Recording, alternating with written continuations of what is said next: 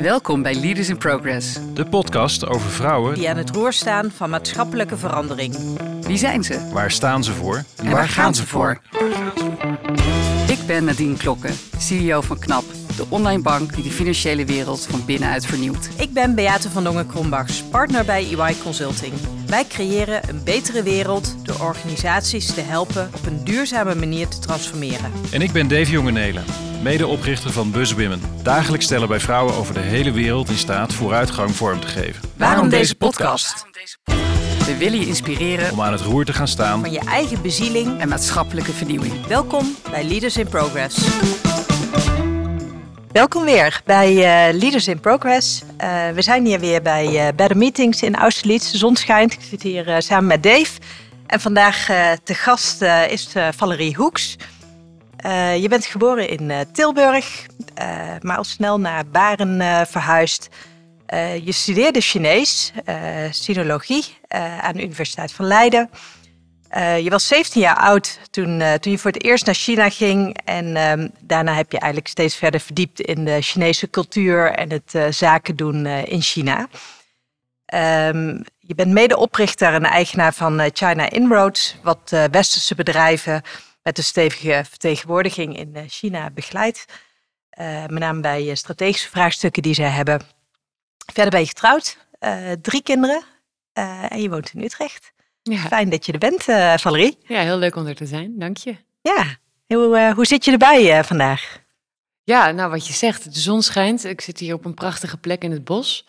Dus eh, ik voel me hier heerlijk eigenlijk. Ja, leuk om met jullie in gesprek te gaan. Ja, wij zijn heel benieuwd. Eh, het onderwerp China trekt natuurlijk enorm, maar we zijn ook heel benieuwd naar, naar jouw verhaal. En ja, we beginnen vaak met een, een vraag eh, die gaat over jou. En hoe sta ik om jou te zijn, eh, Valerie? Ja. ja, dat is zo grappig om over jezelf te zeggen. Hoe is het om mij te zijn? Nou, als je mij bent, dan moet je een goede dosis energie hebben. Ik sta er soms zelf versteld van wat ik allemaal eh, ehm, doe. Ik loop mezelf ook wel eens voorbij. Maar ehm, eh, ik vind het heel leuk om mezelf te zijn. Ik, ik, doe, heel veel en ik gedij ook goed bij de verschillende dingen die parallel lopen of ook wel dwars door elkaar, zowel zakelijk als, als consultant. eh, ben je met heel veel verschillende projecten bezig. En ehm, ja, moet je alles goed opschrijven eh, om niks te vergeten. Want eh, het zijn soms 15 parallele projecten. Maar dat, dat vind ik dus heerlijk. Dus ik hou van ehm, afwisseling. Ehm, en privé ook. Ik sport graag veel. Ik doe verschillende sporten naast elkaar. Ik zit hier ook een beetje met wat stijve spieren van gisteravond hockey. Eh, de avond daarvoor tennis. Ehm, ik vind het leuk om nieuwe dingen te leren. Ehm, ik vind dingen al snel saai. Dus eh, als ik heel lang in één project zit, eh, ja, dan, dan ben ik wel weer op zoek naar het nieuwe ervan. Ehm, dus dus dat, dat houdt mij graag bezig. Ik, ik vind het ontzettend leuk om dingen te ontdekken, vooral bij mensen. Ehm, en dan, nou ja, wat je zei, Beate, ik was 17 toen ik naar China ging. eh, het leukste van die reis was dat je op plekken komt waar ze vaak nog nooit buitenlanders hebben ontmoet. En dat ieder mens heeft een verhaal. En ja, dat is wel een beetje de leidraad in wie ik ben. Dus ik vind het ontzettend leuk om, om nieuwe mensen te spreken op verschillende plekken en naar hun verhaal te luisteren. Ehm, en dat doe ik gelukkig in mijn werk ook heel veel. Ehm, ja, en daarnaast eh, heb ik drie kleine kinderen waar ik natuurlijk super blij mee ben. En eh, Hoe oud zijn je kinderen? Ehm, de jongste is eh, vijf en ik heb een tweeling van bijna zeven. Dus dat is ook wel volle bak. Maar die, eh, ja, dat is zo superleuk om die te volgen, eh, hoe ze allemaal eh, gaan. Ehm, en ik heb ook een hele ondernemende, leuke man, waar ik eh, probeer ook zoveel mogelijk tijd mee, te besteden. Daar blijft niet zoveel tijd voor over, Nee, denk dat ik. is inderdaad eh, altijd de uitdaging. Maar eh, nou ja, die stimuleert mij ook enorm eh, om te doen wat ik doe. En ik reis dus nog steeds veel naar China. Ja, eh, eh, eigenlijk de dagen zijn gewoon te kort. En eh, de nachten ook vaak. Maar eh, ja, dat, dat hoort een beetje bij deze levensfase, denk ik. En, en waar komt die fascinatie voor China vandaan? Want je zegt, eh, ik ben snel verveeld of uitgekeken op dingen. En eh, volgens mij is China al heel lang eh, bij jou eh, een, eh, een land wat je fascineert en de mensen daar. Dus, dus kun je dat eens uitleggen? Ja, nou ja, op China kan je niet zo snel uitgekeken zijn. Hè? Dat is zo'n groot land met zoveel verschillende facetten, eh, mensen, culturen. ehm, En uh, nou ja, de discussies die nu over China worden gevoerd zijn ook zo groot. En, uh, dus daar is heel veel voor aan te leren. En um, zoals ik net al in het voorgesprek tegen jou zei, hoe langer ik met China bezig ben, hoe meer ik me realiseer wat ik allemaal niet weet. Want het is, het is heel veelomvattend. Um, de fascinatie voor China, ik heb eigenlijk pas later ontdekt waar die ontstaan is. Ik was heel jong, 13, 14. En toen ging ik al uh, nep van die karakters tekenen. En uh, ik was heel erg dedicated. Ik wist gewoon, ik wil iets met China. Um, en op vakantie bouwde ik een soort consultancybureautje met een, met een groot oud telefoonboek. En dan zat ik te wachten tot mijn familieleden langskwamen met een vraag. Dus de consultancy zat er ook al, al vroeg in. En, uh, Was dat ja. al betaald werk? Of nog ja, nee. Toen nog niet, nee. Um, maar ja, ik was wel heel erg uh, altijd bezig met mijn eigen bedrijfje, mijn eigen En waar kwam dat vandaan dan? Nou, dat komt uit mijn beide ouders. Mijn vader is ook ondernemer. Zijn hele leven uh, geweest. En uh, nou, dat is wel echt mijn grote voorbeeld. Um, en, um, en mijn moeder is kunstenaar. Nou, eigenlijk ook ondernemerschap. Ook geen makkelijk vak. Um, maar ze hebben allebei een waanzinnige driver en enthousiasme. En dat hebben ze gewoon op ons overgebracht. En uh, ja, als je kijkt naar de, naar de profielen van mijn ouders. En ik heb natuurlijk mezelf ook wel eens laten onderzoeken. Zijn we allemaal redelijk rood. redelijk, uh, ja, we zijn echt doeners. We weten precies waar we heen willen. En uh, dus dat zit gewoon heel erg in, in ons allemaal. Ben ik ook heel dankbaar voor. Ik vind dat op zich een hele mooie eigenschap. Je moet het wel weten te doseren. Dus dat leer ik door het leven heen. Maar, um, uh, maar goed, om even terug te komen op dat uh, China-punt. Ik was dus gewoon vastberaden van ik ga naar China en um, ik wil daar de taal leren. Ik wil vooral het verhaal. Ik had toen nog helemaal geen zakelijke ambitie. Het was gewoon begrijpen waar de Chinezen vandaan komen, wat hun verhaal is. Um, dus eigenlijk vanuit pure nieuwsgierigheid ging ik die kant op. In die tijd geen geld, een backpack op mijn rug en gewoon gaan. Dus ik sliep echt bij boeren op het platteland. Um, er werden, waar ik bij stond, varkens voor me geslacht voor het ontbijt. Het was echt een hele bijzondere tijd. Die je ook nu niet meer zo kan beleven in China. Um, en toen ik terugkwam, ben ik me pas gaan realiseren dat, uh, al zij het ver weg, dat er in mijn vaders familie Chinees bloed zit. En er leefde toen nog een aantal oud-ooms van mij en die hebben ook echt Chinese gelaatstrekken. Um, want mijn bedovergrootopa is vanuit China via Suriname met een Surinaamse vrouw uh, in Nederland, in Roermond, uh, beland. En nou ja, inmiddels weet ik er heel veel van. En er is een familieboek. Uh, um, en daar ben ik ook wel trots op of zo. Ik denk dat het gewoon stiekem toch een beetje in mij zat, dat die Chinese roots. En verklaart misschien ook waarom ik me zo lekker voel als ik daar ben. En hoe heeft China jou als mens gevormd, zeg maar? Sinds je zeventiende, dan kom je daar en ga je backpacken. En, en als je nu kijkt, van, je hebt natuurlijk veel over China geleerd, maar wat, wat heeft China jou geleerd? Ja, een hele goede vraag. Ik heb veel van de Chinezen geleerd. Nog steeds. Um, Chinese, uh, de Chinese cultuur is super rijk. Uh, gaat duizenden jaren terug. Um, en leermeesters van voor Christus spelen nog steeds een rol in het dagelijks leven van veel Chinezen. Confucius onder andere. Um, en wat Chinezen heel goed kunnen is, is geduld hebben. Um, het zijn mensen die heel goed kunnen manoeuvreren, kunnen afwachten, het juiste moment kunnen vinden. Ze zijn super tactisch. En dat heeft alles te maken met hoe die maatschappij is opgebouwd, hoe de relaties, hoe mensen zich tot elkaar verhouden. En nou, als ik iets niet ben, is het geduldig. Dus dat heb ik echt moeten leren. Ik kan het ook situationeel toepassen, niet altijd. Maar zakelijk weet ik wel heel goed um, ja, wanneer ik iets voor me moet houden of me niet moet uitspreken of moet afwachten op een beter moment. En dat heb, dat heb ik echt wel van de Chinezen geleerd. En hoe, hoe heb je dat dan geleerd? Waar kom je daarachter? Ja, je, je, ik ben ook gewoon uh, door vallen en opstaan wijzer geworden. Ik ben redelijk jong gestart met China Inroads. Je zei ook, ik ben medeoprichter van China Inroads. Ik had toen ook echt een, nou, het was bijna mijn coach, Marinus Maaskant. Uh, heel, heel dankbaar dat ik met hem ben begonnen. Ik was gewoon een jonge hond. Uh, ik ging de boer op en ik ging die eerste klanten binnenhengelen. Maar ik wist nog bijzonder weinig van hoe het allemaal eigenlijk echt binnen de bedrijfswereld ging in China. Ik liep er al een tijd rond, maar um, ja, ik moest het toen gewoon hebben inderdaad. Die rode haren, een glimlach. Je bent een jonge vrouw, je krijgt wat voor elkaar. Um, maar door met bedrijven bezig te zijn, door uh, een eigen team aan te sturen, wat alleen maar Chinezen waren, uh, door met Chinese partners te werken, um, ja, loop je ook wel eens tegen de lamp.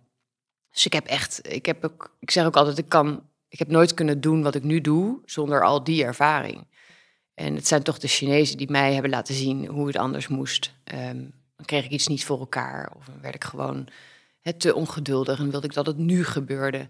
En dan leer je van, oh, wacht, als ik nou even wacht tot uh, mijn uh, gesprekspersoon zich in een relaxere situatie bevindt, um, dan heb ik een ander gesprek. Weet je wel? En het zijn natuurlijk allemaal open deuren, maar je moet het wel doen. En um, ja, ik ben daar wel heel dankbaar voor. Ik denk dat ik daardoor ook een klein beetje een beter mens hier ben geworden door China. Nog, nog heel even terug naar uh, uh, toen je als 17-jarige daar kwam. Daarna ben je denk ik Chinees uh, gaan studeren. Ja, ja, ik kwam wel in China en toen wilde ik meteen uh, natuurlijk begrijpen wat iedereen zei. Dus ehm, ik ben meteen begonnen met Chinese les daar. En um, dat was wel echt heel waardevol, want toen ik in Leiden aankwam, had ik de klanken al gehoord. had ik een hele ja, kleine basis Chinees. Ik had wat karakters leren schrijven. Dus um, je komt wel al binnen met iets van gevoel. Want het is natuurlijk zo'n taal die zo ver van ons afstaat, waar je helemaal van scratch begint. Dus dat was heel prettig. Ja. En je ik ben geduldiger geworden eh, door China. Ben je nog op andere vlakken veranderd? Ja, ik heb. Um, het is moeilijk om uh, helemaal te destilleren of dat komt door, uh, door gewoon ouder en, en wijzer worden. Maar Um, in China houdt men heel erg rekening met um, de omgeving waarin je je bevindt. Chinezen houden heel erg van een harmonieuze situatie, dus zijn op zich ook conflictmijdend. Um, maar ze hebben daarbij ongelooflijk goede voelspriet om te begrijpen wat zijn nou de belangen van alle stakeholders aan tafel. En uh, ik denk dat ik vroeger die belangen uh, niet overzag, überhaupt niet besef had van dat die er konden zijn. En inmiddels heb ik in ieder geval het besef van de verschillende belangen. Um, en ben ik me bewust van mogelijke blind spots. En dat heb ik ook echt door China geleerd. En ja, dat is wel mijn stokpaardje in mijn werk. Stakeholder management vind ik het leukste wat er is.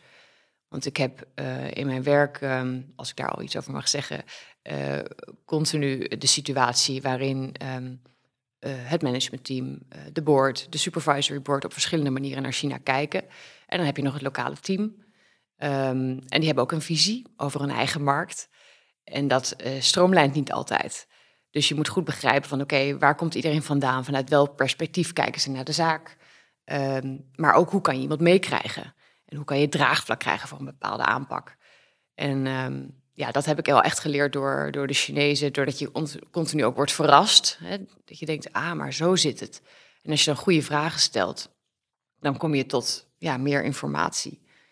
En, uh, en is dat nou heel anders dan in Nederland bijvoorbeeld? Want daar is stakeholder management natuurlijk ook van belang. Ja, ja ik denk wat anders is, um, is dat uh, wij in Nederland heel uh, direct zijn. We zeggen in feite ook wel waar het op staat. Uh, we leggen soms veel te snel onze kaart op tafel. Um, we geven aan waar we heen willen. Um, en dat is het. En hè, ik chargeer nu wellicht een beetje, maar het is hier over het algemeen wel makkelijker om te begrijpen waar mensen, uh, waar de zorgen zitten van mensen. of waar zij het belang hebben zitten. bijvoorbeeld voor een persoonlijke promotie of nou ja, een PNL die onder hun verantwoordelijkheid valt. En dat ze niet veel risico willen lopen, dat soort zaken. Maar in China um, is het aan zich al heel erg ingewikkeld om te begrijpen hoe de hazen lopen. Want in een, we hebben overigens platte organisatiestructuren hier. In China zijn ze over het algemeen zeer hiërarchisch. Dat betekent dus ook dat je te maken hebt met um, uh, ja, leiders die de leider, of in ieder geval um, de manager lijken, maar blijken dan de tweede of de derde man te zijn. Achter de schermen zitten dan de eigenlijke beslissers. Uh, nou, die krijg je niet of nauwelijks te zien. En als je ze ziet, zeggen ze bijzonder weinig. Dus je moet goed begrijpen van oké, um, wat, wat speelt er dan achter die schermen? En dat kan je alleen maar ontdekken door de juiste vragen te stellen. En daarnaast is het ook nog zo dat je in China um, wordt het zakelijk en privé veel meer gem, gemengd dan hier. Dus wij hebben hier redelijke gescheiden werelden. Um, maar in China heb je een loyaliteit die gaat beyond business aan jouw manager. Omdat je bijvoorbeeld uh, uh, nou, hij heeft jou bij een ander bedrijf uh, vandaan geplukt. Of je bent misschien wel het neefje van. dat, dat zijn ook heel gangbare zaken, omdat ze op basis van vertrouwen iemand willen aannemen. als je dat neefje bent, dan ben je in ieder geval te vertrouwen, ben je familie. Um, dat moet je wel allemaal zien en weten, want dan kan je ook de dingen in perspectief plaatsen. Dus echt wel anders. En als je nou, ik ben een soort uh, China-leek. Ik heb uh, weliswaar ooit Japans geciteerd, maar dat is toch... Uh, oh, echt? Qua taal lijkt het misschien nog een beetje, in ieder geval qua karakters op elkaar. Maar ja, een hele andere wereld. En, en als leek hebben we toch heel veel beelden en ook vooroordelen over China. Dus ik ben gewoon benieuwd naar van, zoals jij China hebt beleefd, wat, wat zijn dan de, de grootste denkfouten of beelden die niet kloppen met hoe jij China in werkelijkheid ervaart? Ja. Nou ja, ik, dat is denk ik ook, eh, die, om die vraag te beantwoorden, dat is waar ik me wel hard voor maak. In, in deze verharde wereld, want we zitten, staan met z'n allen volledig op ons kop. En um, door, door aannames worden er gewoon verkeerde beslissingen genomen. Dus uh, ik zit altijd heel graag in die onderzoeksmodus van oké, hoe zit het nou in elkaar? Blijf vragen zonder te oordelen. Um, dat is zo belangrijk om gewoon tot een passende strategie, passende aanpak te komen. Of het nou voor business is of uh, politiek. Um, uh, dus, dus dat is wat ik graag doe. Ik denk um, dat we heel erg ons moeten verdiepen in waar de Chinezen vandaan komen versus waar wij vandaan komen. En wij hebben zaken die we voor granted nemen. Um, we, hebben, we zitten in een redelijk welvarende omgeving. Um, we bevinden ons in een situatie waar we ervan uit kunnen gaan dat een arts je met zijn beste intenties helpt. Uh, dat je naar een restaurant kan gaan zonder dat je er ziek van wordt. Dat soort zaken. Dat criminaliteit uh, tot het minimum is uh, teruggebracht. in China um, wonen mensen in een land waar er ten eerste ongelooflijk veel mensen zijn, meer mensen dan kansen. Um, en waar de economie over de afgelopen decennia zo hard is gegroeid dat mensen over elkaar heen buitelen om uh, die kansen te pakken. En dan is het gewoon ellebogenwerk. Dus Chinezen die elkaar niet kennen, die kunnen heel hard zijn naar elkaar. Um, het gaat in die end om jou en je gezin, uh, of je inner circle, zeg maar. Uh, daar moet je voor zorgen. En dat is gewoon vechten. Dus er is een waanzinnige competitie op alle vlakken door de hele maatschappij heen. Die kennen wij helemaal niet. Wij hebben dat helemaal niet nodig hier. Weet je, er, er zijn zat leuke banen. Uh, iedereen die een beetje wil, die komt wel ergens. Um, en als je daar al vanuit gaat, dan begrijp je veel beter waarom Chinezen doen zoals ze doen. Of waar ze, waarom ze hun uh, kinderen vanaf vier jaar helemaal drillen met het onderwijs. Uh, ja, wij vinden dat gewoon zielig, is ja. het ook. Maar als ze dat niet doen, dan zijn die kansen voor die kinderen er niet. Um, of als je in de metro stapt, dat je niet uh, eerst een oud meneertje laat uitstappen, maar toch even snel eerst erin schiet, omdat je anders je meeting mist en vervolgens misschien wel je baan. Dus er zit zoveel meer achter dan we ons kunnen voorstellen. Ja. En dat, als je dat besef hebt, dan gaat het erom, oké, okay, continu blijven begrijpen, doorvragen. En dat merk ik ook in mijn eigen praktijk, weet je wel, dat ik snel, toch nog steeds te snel oordeel. Mijn collega's in China, die iets niet opleveren zoals ik had gehoopt. En dat ik dan al beetje voel aan mijn bloeddruk van, oh, baal hiervan. En dan weet ik nu inmiddels, ik moet bellen en begrijpen, wat is hun verhaal? En dan blijkt het nog complexer dan ik dacht. En dan zijn er hele valide redenen waarom iets niet is gelukt. Ja, en dan kan je samen verder denken, hoe dan wel. En het beeld wat wij ook hebben, denk ik in het algemeen, is van China als een soort staat of, of land waar de staat uh, dicteert en bepaalt. Ja. En, en het lijkt alsof mensen aan de leiband van, van de staat en daar, daar weinig tot geen eigen inbreng in hebben. Van hoe, kijk je naar, naar dat beeld? Ja, nou, dat is gewoon een zorg. Uh, die is er.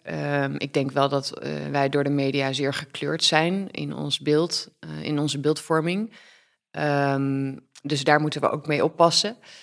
Maar het is natuurlijk zo dat China steeds autocratischer wordt onder het beleid van Xi Jinping. En um, dat vind ik ook vooral heel verdrietig voor de Chinezen zelf.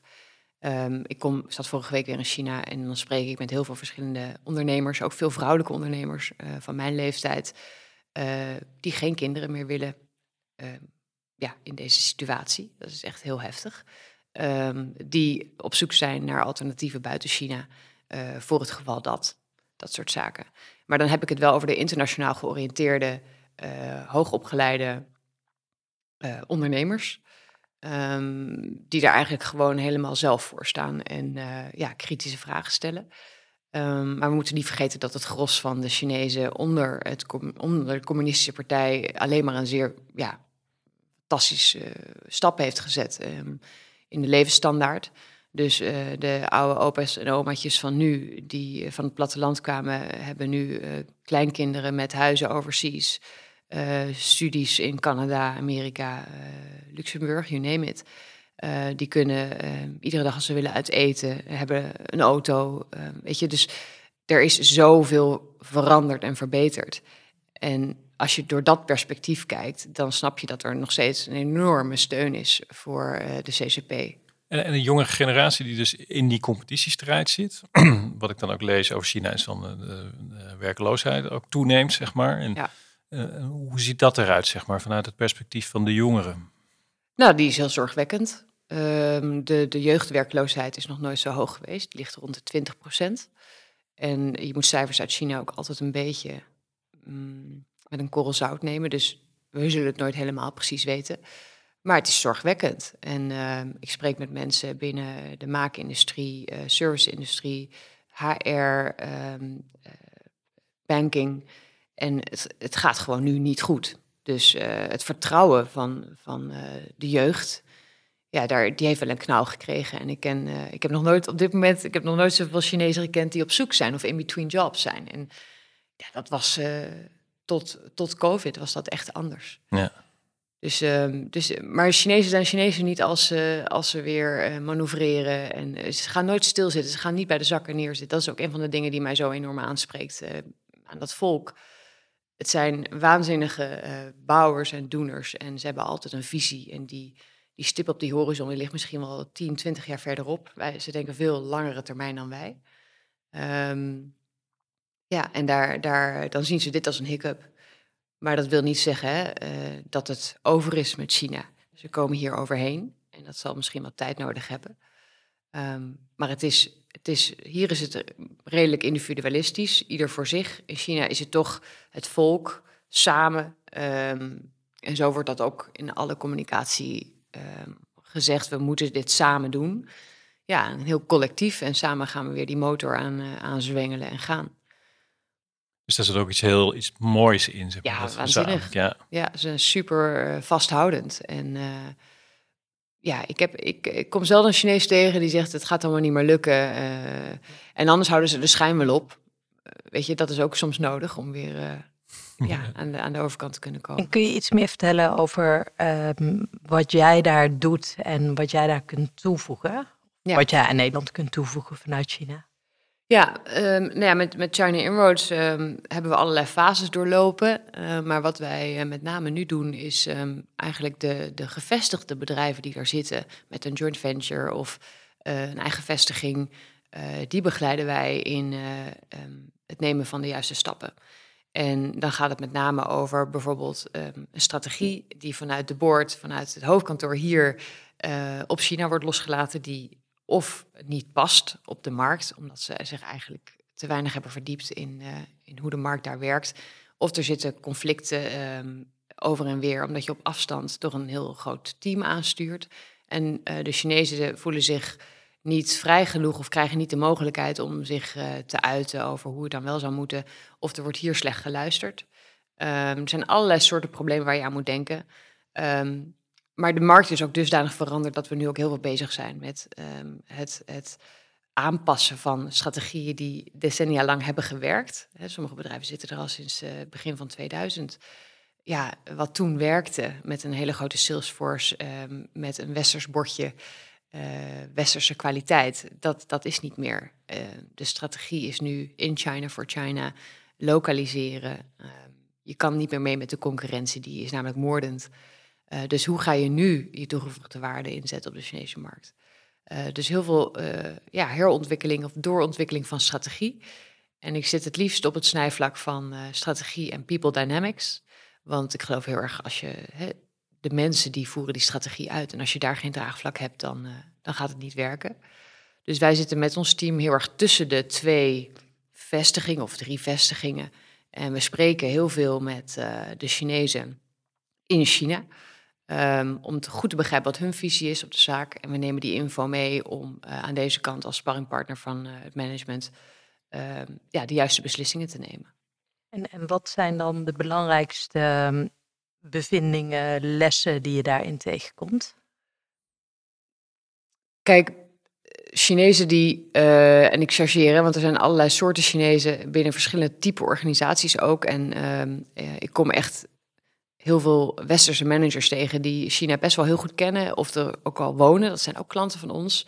Um, wat je heel erg merkt is dat, we, dat wij uh, toch nog vanuit onze Europese overtuiging van, joh, wij hebben hier de welvaart, we zullen wel eens even vertellen hoe het daar moet, dat er vanuit die hoedanigheid wordt gestuurd. Terwijl je een lokaal team hebt met mensen die Chinees zijn in de Chinese markt. Nou ja, wie weet het beter dan zij zelf. Uh, dus er wordt te weinig geluisterd. En de middelen zijn er soms ook niet om dat gesprek mogelijk te maken. Dus in die end komt het allemaal neer op communicatie. Um, maar wij hebben hier een uh, te volle agenda om um, eens even een hele week naar China te gaan en zonder een agenda. Hè, om daar gewoon eens even achterover te leunen um, en, en met je zakenpartner te zien wat er gebeurt. Nee, wij gaan naar China, we hebben een agenda, we hebben drie, vier, vijf punten op de agenda. En eigenlijk beginnen we zo snel mogelijk met die inhoud.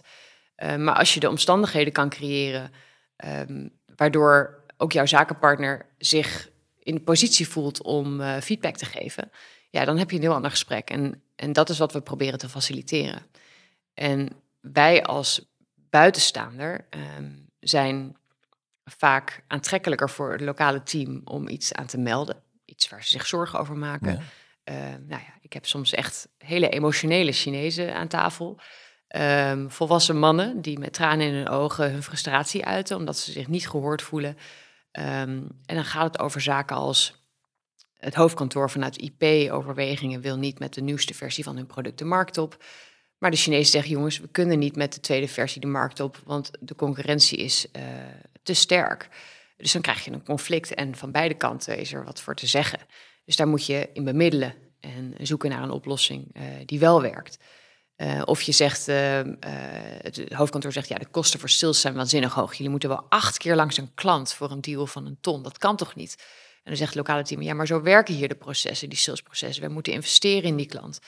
Of er komt geen feedback uit de markt zodra producten zijn verkocht. En um, dan zeggen, zegt het hoofdkantoor van, wij willen gewoon feedback, want dan kunnen we ons product doorontwikkelen en verbeteren. En dan zegt het lokale team, ja, maar onze klant is, klant is koning, vooral in China.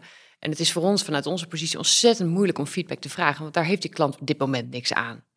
Um, dus je hebt allemaal dat soort ja, werkwijzen die anders zijn, uh, omstandigheden die anders zijn. En maar daar, veel zit dus wel in het, wij willen eigenlijk te snel, te veel op onze eigen manier, ja. te ongeduldig, ja. te taakgericht, zeg maar. Ja. Dus daar zit, en, en, en, en uit de Chinese kant, hoe kijken zij naar ons, zeg maar? Ook omdat er, denk ik, in de westerse wereld ook heel veel wantrouwen is en sceptisch. En, en misschien ook wel angst voor China als, als grote wereldmacht, maar ook uh, de diefstal van patenten of... Ja. Uh, uh, dat soort, zijn ze zich daarvan bewust? Hoe gaan ze daarmee om? Ja, daar zijn ze zich van bewust. Ik denk dat wij blij mogen zijn dat we geen Amerikanen zijn, want daar, daar is het natuurlijk nog wat grilliger. Dus we hebben ook baat bij de positie die we hebben als Europeaan. Um, ik moet zeggen, um, de leukste klanten om mee te werken zijn de klanten die China heel goed kennen. Um, dat zijn mensen die westerlingen in China hebben wonen, soms al tien jaar. Die komen ook bij ons, omdat die westerlingen zich scharen naast de Chinezen. En het hoofdkantoor zegt, ja, Pietje, dat zeg je nou wel, maar uh, het werkt zo in China. We kunnen niet alles onder die noemer wegschuiven. Zit het nou wel echt zo? Ben je niet een beetje biased inmiddels? En dan komen wij als derde partij erbij, omdat te ondersteunen of uh, te ontkennen of uh, daar, daar meer informatie um, aan te geven. En dat is natuurlijk waar het om gaat. Ik denk wel dat um, de zorgen die leven realistisch zijn. En we doen dus ook risicoanalyses. Maar dan is het dus heel belangrijk dat je van die emotie wegstapt en terug naar de feiten gaat. Want het is een heel emotioneel beladen verhaal. En de supervisory board heeft misschien twintig jaar geleden een keer een ervaring in China gehad die was negatief. Dat vormt je beeld. Je leest vervolgens uh, in het FD uh, een stuk uh, over ja, het investeringsklimaat dat niet gunstig is. En je denkt meteen, moeten wij nog wel gaan investeren in China? Moeten wij daar nog wel een paar miljoen aan overboeken? Krijgen we dat geld überhaupt terug? Um, hoe zit het met, met royalties? Zijn we dan goed beschermd? Nou, dat zijn hele valide vragen. Dus die gaan wij helemaal afbellen. Um, en dat doen we samen met geopolitiek deskundigen, met het juridisch team. En dan kom je uiteindelijk tot een analyse waarop basis van je kan zeggen: oké, dit is gevalideerd. Uh, waar zit het risico nou feitelijk? En vervolgens moet je gaan bouwen als je doorgaat aan toch weer dat menselijke aspect van vertrouwen onderling. Want dat is wat je zegt, dat blijft een ding. Um, ja, daar moet, je, daar moet je heel veel energie in stoppen. jij woont nu in Utrecht. Zou jij ook in China kunnen wonen en willen wonen? Nou, ik heb er een aantal jaar gewoond, um, maar dat was nog voordat ik kinderen had. Ik vind het heerlijk om er te zijn, maar ik realiseer me uh, dat wat we hier hebben groot goed is. Uh, dat je hier zo het bos in wandelt, dat je frisse lucht hebt. Het onderwijs van de kinderen, dat de kinderen kind kunnen zijn. Um, dat, dat, daar ben ik heel erg blij mee. En ik denk in deze levensfase dat het voor mij niet past. Uh, nou ja, mijn man heeft ook uh, zijn eigen onderneming en die zou ik ook wel echt losrukken van, uh, van zijn passie. Dus dat zou ik niet zo snel doen. Maar als de kinderen groter zijn, zie ik mezelf wel langere periodes in China zitten. Want nu vlieg ik heen en weer voor een week, regelmatig. Nou, dat is best intensief. En dan heb je altijd het gevoel dat je tijd tekort komt. Ja. En even die, ik, ik ben geïnteresseerd in Taoïsme en dat soort zaken. En uh, jij zei al van het, uh, zoals Confucius en de oude leermeesters spelen nog steeds een uh, rol in het dagelijks leven. Van, van hoe dan? Ja. Hoe, hoe werkt dat? En, en ook hoe sta jij daar zelf in? Ja. Nou ja, Confucius dan, hè, want er zijn verschillende leermeesters en het Taoïsme is, is net weer iets anders. Maar Confucius ging uit van een, um, een geordende, geordende maatschappij waarin um, heel duidelijk is wie de leiding heeft en je hebt de mensen die volgen. En uh, dat zit heel diep geworteld in de Chinese cultuur. Dus de leerlingen die volgen de leermeesters, uh, de kinderen volgen de ouders. Um, en eigenlijk is dat niet vice versa. Dus um, wij, ons wordt met de paplepel ingegoten van joh, um, stel goede kritische vragen. vallen is weer opstaan. Je leert van je fouten, dat soort zaken. En dat is in het Chinese systeem van oorsprong niet zo. als je nu gewoon door het hippe Shanghai loopt, op de, op de op de bloembakken bijvoorbeeld uh, staan gewoon echt slogans van Confucius nog.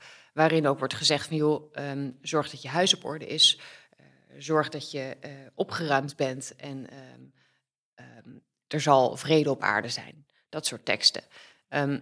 het nadeel van zo'n systeem is, want het werkt natuurlijk heel goed als je een heel groot land hebt waar iedereen precies weet wat zijn plek is. Het nadeel is dat je, ja, mensen die afstuderen zijn niet per se de meest kritische denkers. Out of the box werken vinden ze ook lastig. Dus dat is iets wat de Chinese overheid heel goed ziet en waarin ze investeren. Maar er zit natuurlijk een spagaat, want als je hele kritische mensen krijgt, krijg je ook kritische mensen die kritiek hebben op alles wat er in China gebeurt. Um, dus dat is een beetje een, eh, een, een, moeilijk punt.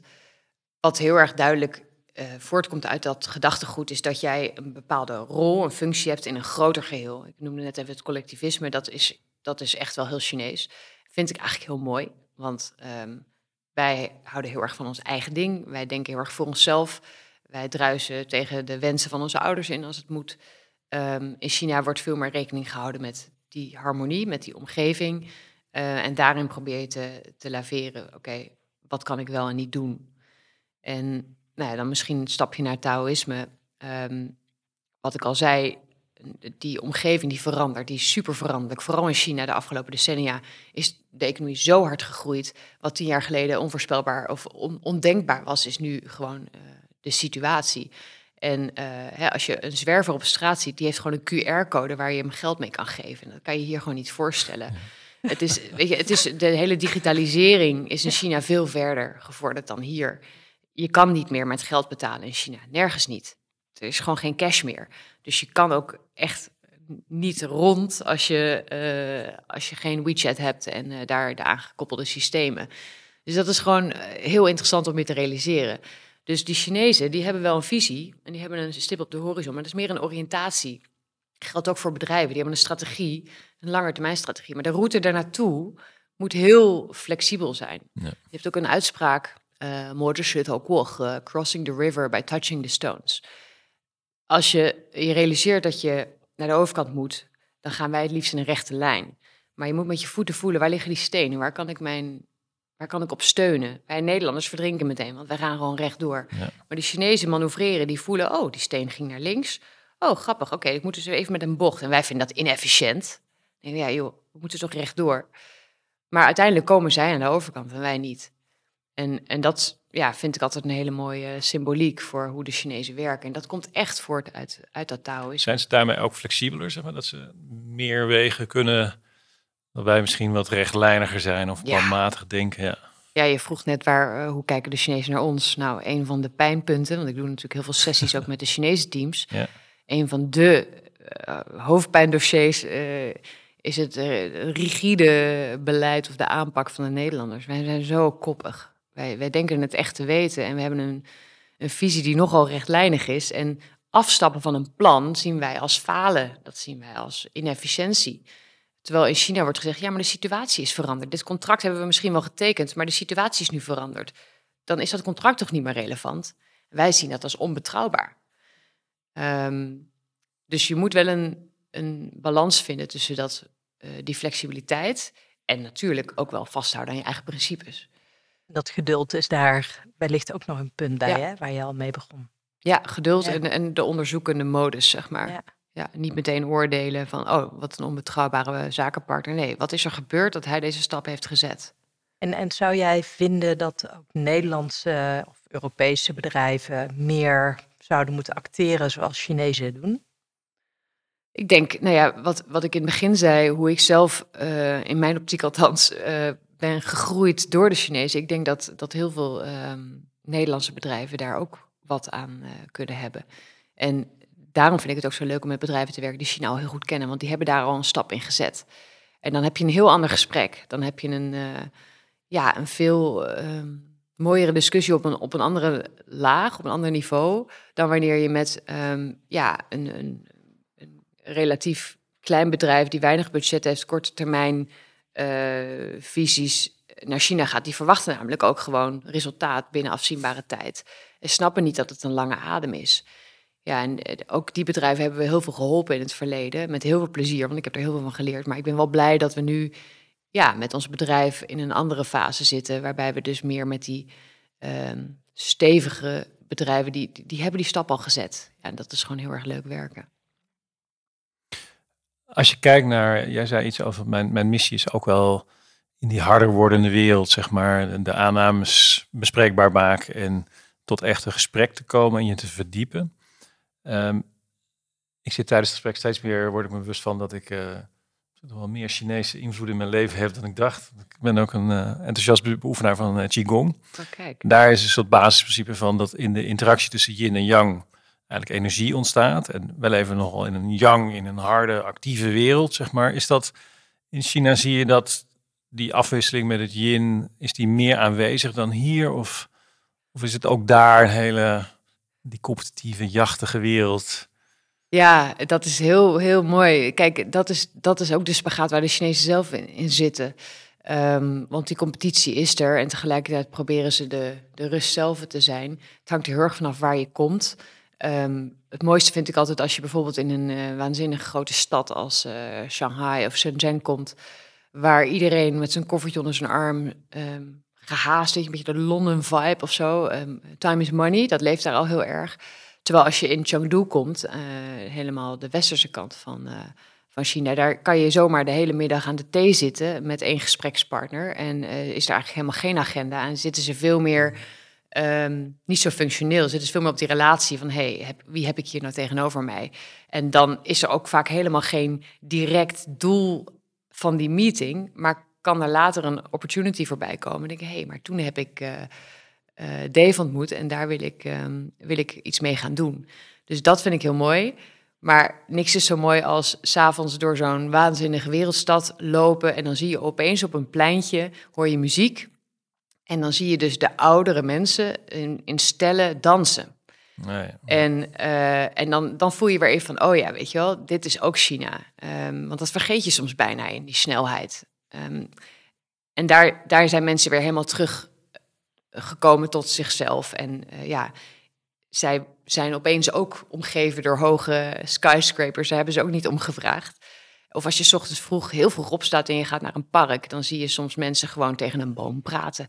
Eh, of die staan daar inderdaad wushu te doen eh, tussen het gras. En dat zijn echt de mooiste momenten van de dag. Ja, en, en die mensen die geven je toch nog het gevoel van... ja, daar gaat het in die end om. Die balans tussen yin en yang. Ja. En is dat dan een minderheid die uh, dit soort dingen ziet doen? Of? Ik denk dat, dat ehm, wat ik, de voorbeelden die ik net noemde, hoe Chinezen uh, over het algemeen werken, dat ze heel wel bewust zijn van hoe ze hun emoties laten vloeien, uh, hoe ze omgaan met um, situaties als er een conflict is, dat soort zaken. Dat zit echt wel in die Chinees. Maar de realiteit is gewoon dat er kei en keihard gewerkt moet worden um, om het voor jezelf goed te regelen. En dat, dat ja, gaat natuurlijk niet altijd samen. Dus um, dat, ja, dat hebben wij ook. Daar heb ik zelf ook last van. Weet je wel? Dus dat je denkt, oh, maar ik doe bijvoorbeeld nu iedere ochtend yoga. Um, omdat ik merk dat je alleen maar aan het uh, rennen, vliegen bent. En dat het eigenlijk zo belangrijk is om even een moment van, van rust te hebben. Ja, dat, dat komt ook door die Chinezen. Want die, die kunnen dat toch vasthouden op een of andere manier. Dus dat is gewoon iets ja, heel knaps, vind ik. Ik denk dat wij uh, veel te veel ons laten leiden door de waan van de dag. Jij ook? Ja. Ja, ik ben daar echt niet beter in dan jullie. nee het is, uh, dat is gewoon uh, chaos. Maar je bent vaak veel beter als je even stilstaat um, voordat je een beslissing neemt. Of als je even iets laat rusten. En in the heat of the moment reageren is eigenlijk zelden een goede dus, maar goed, dat moet je ook maar doen dan. Dat kan je heel mooi zeggen. Maar om dat iedere keer, om je daar bewust van te zijn, ja, daar word ik wel steeds beter in. Maar ik heb nog een lange weg te gaan. En waar zitten jouw dromen hè? met een vader die ondernemer is en een moeder die kunstenaar is? En, en stel nou ook dat je krijgt, je mag China niet meer in. Hè? China inroads, je mag er niet meer in. Uh, wat zou je dan gaan doen? Ja, ja, dat, dat vind ik echt een vreselijke vraag. nee, ik, heb dat, dat, dat, ik voel gewoon mijn hart een beetje krimpen zo als je zegt, je mag China niet meer in. China is echt een, een, een part of me. En ook in deze moeilijke tijd, want het is best een heftige tijd met, met veel geopolitieke vraagstukken. Ook ik begeef me wel eens op glad ijs. Wat kan ik nou zeggen over China publiekelijk? Ook in gesprek hier met jullie, wat niet. Maar ik blijf toch die verbinding zoeken. En ik geloof dat we die dialoog moeten blijven voeren, want juist nu is dat zo belangrijk. En uh, ja, het idee dat ik niet meer naar China mag, zou ik echt wel heel verschrikkelijk vinden. En tuurlijk, um, nou ja, ik ken Beate van VRDW, het consultancyvak uh, ligt mij, vind ik echt ontzettend leuk. En um, dan zou ik iets anders, of de kennis die ik nu heb, uh, daarin toepassen, maar dan zonder China. Ik geloof wel dat ik dat China, het is niet alleen China. Het gaat in die end om die dialoog. Het gaat om de gesprekken die je met elkaar voert. En ik denk wel dat de kennis die ik nu heb ook kan toepassen op bijvoorbeeld andere cross-border situaties. Bijvoorbeeld Frankrijk of België. Daar hebben we ook al moeite. Ja. ja. Ook die vinden ons heel rigide. Ja. Precies. ja. ja. En, en de kunstenaar jou? Ja, het creatieve. Nou, ik, ik, ik zou mezelf niet erg schrijven als heel creatief. Um, dus ik heb dat niet van mijn moeder uh, zo meegekregen. Um, maar mijn moeder heeft wel dat heel erg onderzoekende. Die kan zich enorm verdiepen in de kunst en uh, alles wat erbij hoort. En dat, dat vind ik wel heel erg leuk. En zij is ook wel redelijk, uh, nou, ik zou niet willen zeggen spiritueel, maar ze, ze is wel filosofisch. Ze kan wel heel erg de dingen met elkaar verbinden. En dat heb ik ook wel van haar. Mijn vader is veel meer praktisch, uh, recht toe recht aan. Al verbaast hij me soms ook met een, met een opmerking over een vogel in een boom. En uh, ik weet het niet. Ik, ik, ik denk dat, uh, dat ik wat dat betreft een mooie mix heb gekregen. Ik zie wel bij mijn oudste zoontje dat hij uh, heel bijzonder schildert. Dus ik hoop nog dat daar nog een talentje... ja. ja. En, en jouw filosofische, spirituele kant, hoe ziet die eruit? Ja, die moet ik echt opzoeken. Dus de, die yoga-oefeningen uh, ochtends zijn voor mij heel goed. Maar ik ben een enorme, ik hou enorm van sporten. Ik hou van afzien, ik hou van zweten. Dus als het te, meer, te veel liggen en in, in het moment, zeg maar, vind ik heel moeilijk. Echt mediteren of zo, dat, dat heb ik zoveel geprobeerd. Maar nee. ik, heb, ik ben daar dus niet geduldig genoeg voor. Ik heb nu wel bedacht met mijn business coach, want die heb ik ook Um, dat ik meer impasses moet creëren voor mezelf. Uh, om dus tot goede ideeën te komen en dergelijke. Want ik ben gewoon een enorme doener. Meer dan een denker. En als je nu Sorry. Nee, ik ga de... Ja, ik zat nog te denken van als je nou echt uitzoomt naar de missie die je hebt en de taak op deze wereld, zeg maar. En ik zie dat heel erg als die scharnierfunctie tussen twee culturen, waarbij je ook dat het bloed aan beide kanten letterlijk in je familie hebt lopen, zeg Ja. maar. Dus en wat, wat hoop je dan, wat gun je dan voor je kinderen als je dan zegt van als die nou later volwassen zijn, wat als er één ding in de wereld zou zijn dat jij zou kunnen veranderen voor hen, wat hoop je dan dat er verandert in de wereld? Jeetje, grote vraag. Ehm, ik hoop dat we in staat zijn, en vooral op het niveau waar dat ook een verschil maakt, eh, dat mensen in staat zijn om zich te realiseren, op zijn minst, dat er verschillende perspectieven zijn. En dat je ehm, zonder te oordelen ehm, leert kijken door het perspectief van de ander. En dat is natuurlijk, ja, het is een hele grote vraag. Het is misschien ook een heel groot antwoord. Maar ik denk dat ehm, dat, dat heel veel problemen kan oplossen. En als je dan hebt over mijn kinderen, de generatie die nu komt. Weet je, we hebben gewoon zo lang gedacht eh, dat wij met Europa de welvaart hebben. eh, alles hebben wat ons hartje begeert. Ik maak me wel oprecht zorgen over ehm, de toekomst van mijn kinderen. In die zin, economisch gaan wij, gaan wij nu achteruit. hè. De- wij zijn straks de terroristische trekpleister, maar heel veel meer dan dat. eh, Wat zijn we dan? Waar zit onze toegevoegde waarde? Dus ik hoop heel erg, en gelukkig zie ik dat ook bij de generatie die nu komt, dat we heel internationaal georiënteerd blijven. Dat we ook in Azië gaan kijken. En daarom vind ik het zo jammer dat de publiciteit over China met name negatief is, want er is ook heel veel moois. Eh, maar ook landen als Thailand, ehm, India, daar gebeurt het nu. Wij staan er gewoon bij te kijken, maar daar gebeurt het. En als die generatie dat kan pakken door die talen te leren, eh, door daar te verblijven, ja, dan hebben we straks leiders die eh, dit veel beter kunnen. En is dat ook iets waar jij actief aan probeert bij te dragen om een ander beeld ten aanzien van China of misschien wel het bredere Azië te creëren? Ja, nou ja, ik zou, ik zou graag eh, zeggen ja. Eh, al is het op hele kleine schaal, want hè, we zijn natuurlijk maar een klein bedrijf. Maar ehm, ik heb wel, eh, als je mij vraagt van waar, waar krijg ik dan echt eh, een gevoel van, van passie van, of wat, waar word ik echt warm van, dat is dat je het verschil kan maken in die dealmaking eh, tussen die bedrijven. En in die end gaat het om de mensen. Ehm, maar goed, we, moeten met elkaar eh, tot een overeenstemming zien te komen. En ehm, waarbij iedereen gebaat is. En als dat lukt, ja, dat is natuurlijk super gaaf. We zitten alweer bijna aan het einde. Ik heb nog één eh, brandend China-vraagje en dan hou ik er echt mee op. Maar ik zal nog wel aan die volgende generatie natuurlijk het, het bewustzijn op het gebied van, van klimaat en eh, de ongelijkheid in de wereld en eh, dat soort grote thema's. En het, hoe zit dat, zeg maar, als je naar wat jij meekrijgt in, in China, het, het verhaal van duurzaamheid en ook daarin wordt China aan de ene kant als vervuiler gezien, tegelijkertijd hoor je ook verhalen dat er juist keihard aan gewerkt wordt van Ja, het is ook de grootste investeerder van, eh, van eh, groene energie. Dus het is. eh, en, en ik denk ook dat we daarin te snel met onze vinger wijzen. En dat we ons moeten realiseren uit welke geschiedenis wij komen. Want ook wij hebben de situatie gehad waar je liever niet naar buiten ging, omdat alles grauw en grijs was. Toen ik in Beijing studeerde, toen ben ik op een gegeven moment op de fiets gestapt. Ik zag een berg in de verte. Ik denk, daar ga ik gewoon eens naartoe fietsen. En toen weet ik nog zo goed dat ik thuis kwam s'avonds, uren gefietst. En toen maakte ik mijn gezicht schoon en was gewoon pikzwart. En eh, dat China, eh, in grote delen van China, is nu eh, voorbij. En dat komt door het volk. Want het volk is echt daarin in opstand gekomen. Die hebben gezegd, wij, wij kunnen hier niet in leven, wij willen dit niet meer. Dus er is, hè, en dat wordt ook vaak gedacht dat het volk niks te zeggen heeft. Dat is niet zo. Er is een enorme driver vanuit die hoek.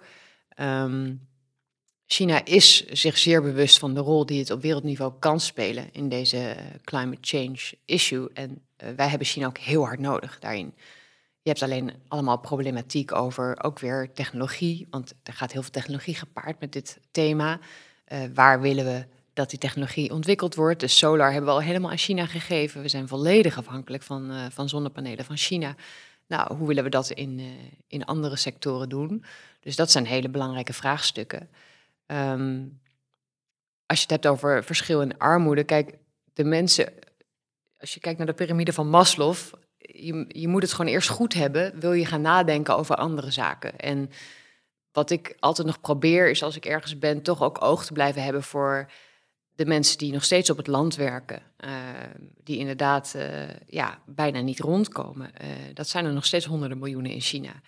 Weet je wel? En die mensen moeten ook gewoon uit het slop. Um, en, en daarvoor eigenlijk, maar dat is misschien, eigenlijk is dat de reden waarom ik gewoon vooral hoop dat de Chinese economie weer gaat draaien. Want die mensen zijn hier de dupe van. Ja. En uh, de mensen die je in Shanghai ziet lopen met drie appartementen en uh, een dikke auto, ja, die, die zijn er al, zeg maar.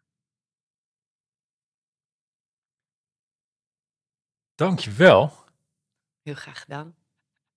Beate, ik zit een beetje naar jou te kijken. Ja, ik, uh, ik denk, wil jij... Van, nou, ik, ik vind het nou. wel leuk om een soort van... Ja, dat dacht ik al. Ik zag jou hard, samenvatting hard meeschrijven, van... dus ik denk, jij gaat vast een afsluiting doen.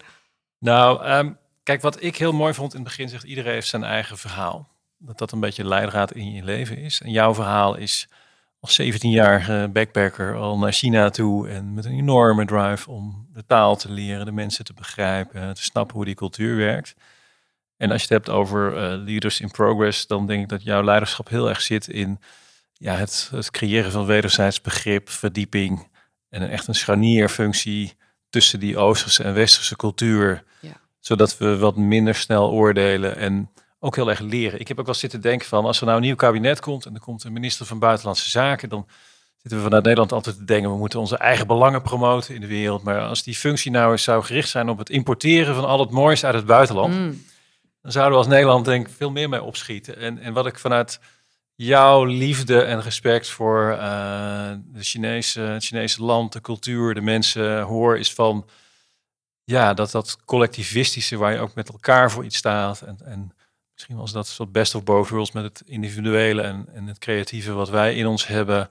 Dat dat een hele mooie combinatie is. Het geduld, maar ook dat ehm, crossing the road, uh, crossing the water by touching the stones. een heel mooi beeld van als we iets flexibeler mogen zijn, meer mogen manoeuvreren in het leven, dat dat het leven ook wel eens aangenamer zou kunnen maken. Dus ja, voor mij heb je heel veel uh, nieuwe inzichten gebracht.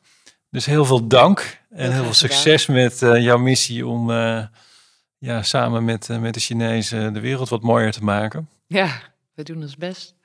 Dankjewel. Ja, dankjewel Valerie. En ontzettend leuk om jou nou, ook in deze rol verder te spreken. En ja, we blijven je volgen. Leuk, dank je Beate en Dave.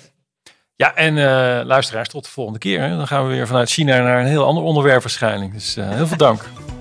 Dankjewel voor het luisteren naar deze aflevering van Leaders in Progress. We hopen dat je ervan genoten hebt en er volgende keer weer bij bent wanneer we een nieuwe gast aan tafel hebben. Ben jij geïnspireerd en zou je ook willen werken aan vooruitgang? Dat kan. Ga nu naar www.leadersinprogress.nl en kom in actie. Of neem direct contact met ons op via de e-mail. Graag tot de volgende keer.